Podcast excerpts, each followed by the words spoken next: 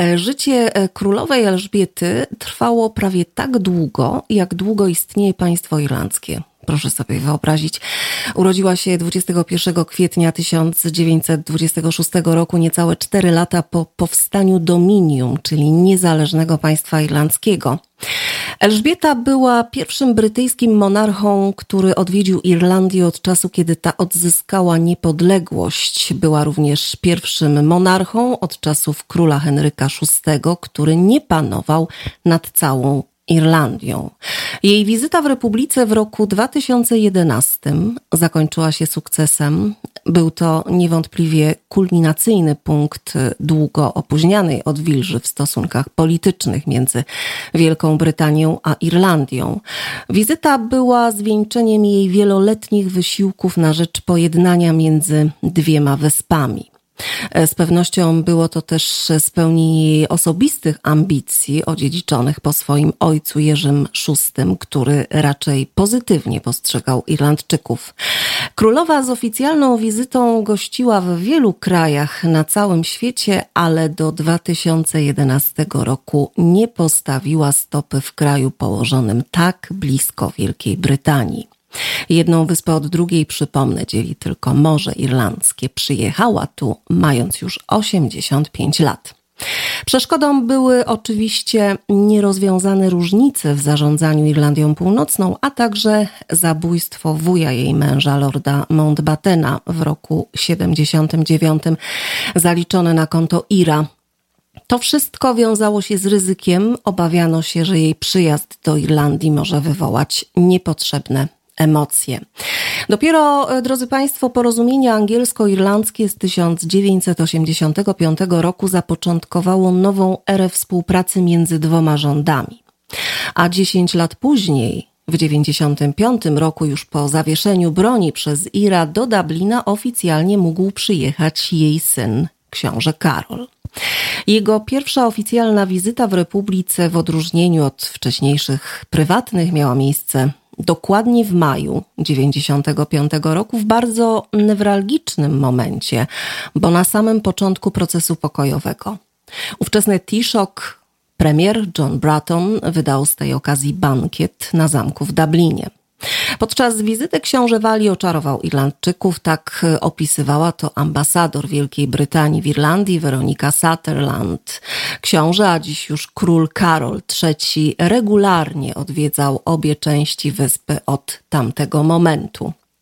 A ponieważ faktycznie był bardzo dobrze przyjmowany, to zachęciło też królową do jeszcze większej aktywności w budowaniu wzajemnie, wzajemnych dobrych relacji.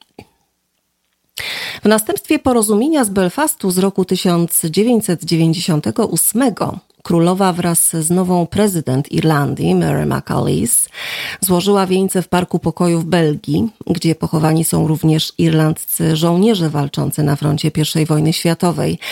Panie spotykały się jeszcze kilka razy później, nawet podobno zdążyły się zaprzyjaźnić. Pani prezydent nalegała, by zaprosić królową do złożenia wizyty państwowej. Dopiero kiedy porozumienie wielkopiątkowe ostatecznie weszło w życie, uznano, że zorganizowanie takiej wizyty jest e, możliwe i przede wszystkim bezpieczne. Królowa Elżbieta odegrała istotną i pozytywną rolę w zaprowadzeniu pokoju na wyspie. Zrobiła naprawdę dużo, by poprawić wzajemne relacje między Irlandią a Wielką Brytanią. W tym miejscu warto podkreślić, że podejście królowej wyraźnie kontrastowało do zachowania na przykład premiera Borysa Johnsona i niektórych jego kolegów, którzy nie przejmowali się zbytnio tym, jaki wpływ ich polityka wywiera na Irlandię, północ i południe, rzecz jasna. Wręcz przeciwnie, podsycali niezgodę dla osiągnięcia własnych celów politycznych. Przykładem niech będzie protokół z Irlandii Północnej, część umowy rozwodowej z Unią, który e, wzbudza kontrowersje do dziś i tak naprawdę nie wiadomo, jak ta sprawa z protokołem się skończy. E, głos w sprawie królowej Elżbiety i jej wkładu w proces pokojowy zabrał nieżyjący już Martin McGuinness. To jest bardzo ważna postać, drodzy Państwo. To jest przywódca IRA, późniejszy premier Irlandii Północnej. Powiedział, że docenia rolę, jaką królowa odegrała w zaprowadzeniu pokoju na wyspie podczas e, przyjęcia w trakcie wizyty prezydenta Republiki Michaela D. Higginsa w Wielkiej Brytanii. W roku 2014 obecny tam również McGuinness dołączył do toastu na cześć królowej. To był to było znamienne, to był symbol. Przy tej okazji Elżbieta wyraziła nadzieję, by wspólna przeszłość usidliła przyszłość. McGuinness, drodzy Państwo, odnosząc się do historycznego uścisku dłoni między nim a monarchinią z 2012 roku, przywołał sprawę morderstwa wuja jej męża, lorda Mountbattena.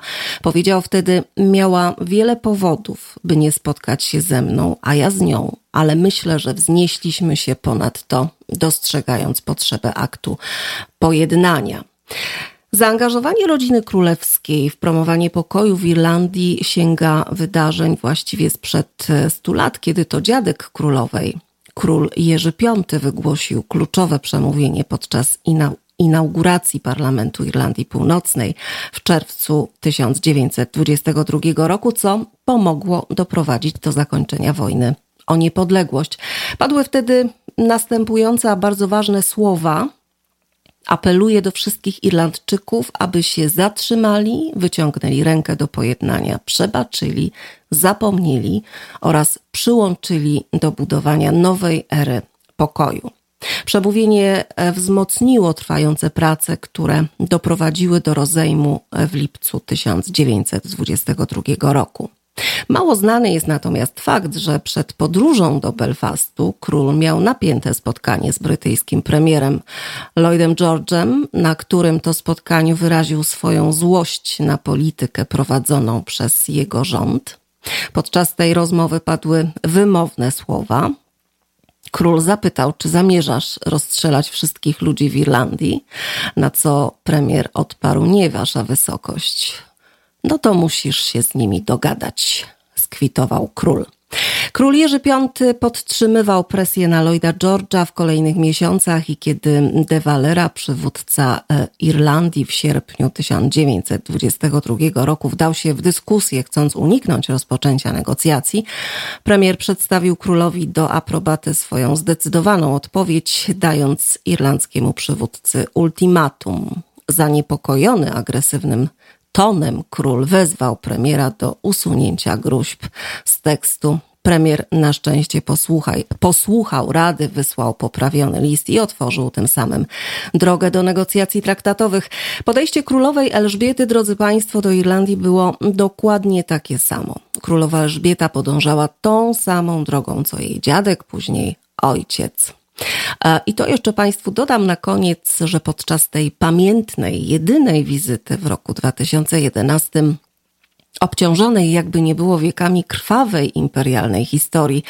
Ponad pół miliona ludzi, proszę sobie wyobrazić, chciało zobaczyć, jak 85-latka sadzi drzewo w ramach upamiętnienia tej wizyty. A na wydanym z tej okazji bankiecie miała na sobie białą, jedwabną suknię ozdobioną ręcznie wyszywanymi koniczynkami. To jest symbol Irlandii. I bardzo ostrożnie i delikatnie mówiła o przeszłości, bo jej wielkim darem było robienie a nie mówienie. Ona była bardzo powściągliwa. Dlatego kłaniamy się przeszłości, a, ale nie wiążemy się z nią. Tak e, mówiła i tym akcentem zakończę tę moją e, analizę stosunków wzajemnych polsko-irlandzko, przepraszam, brytyjskich.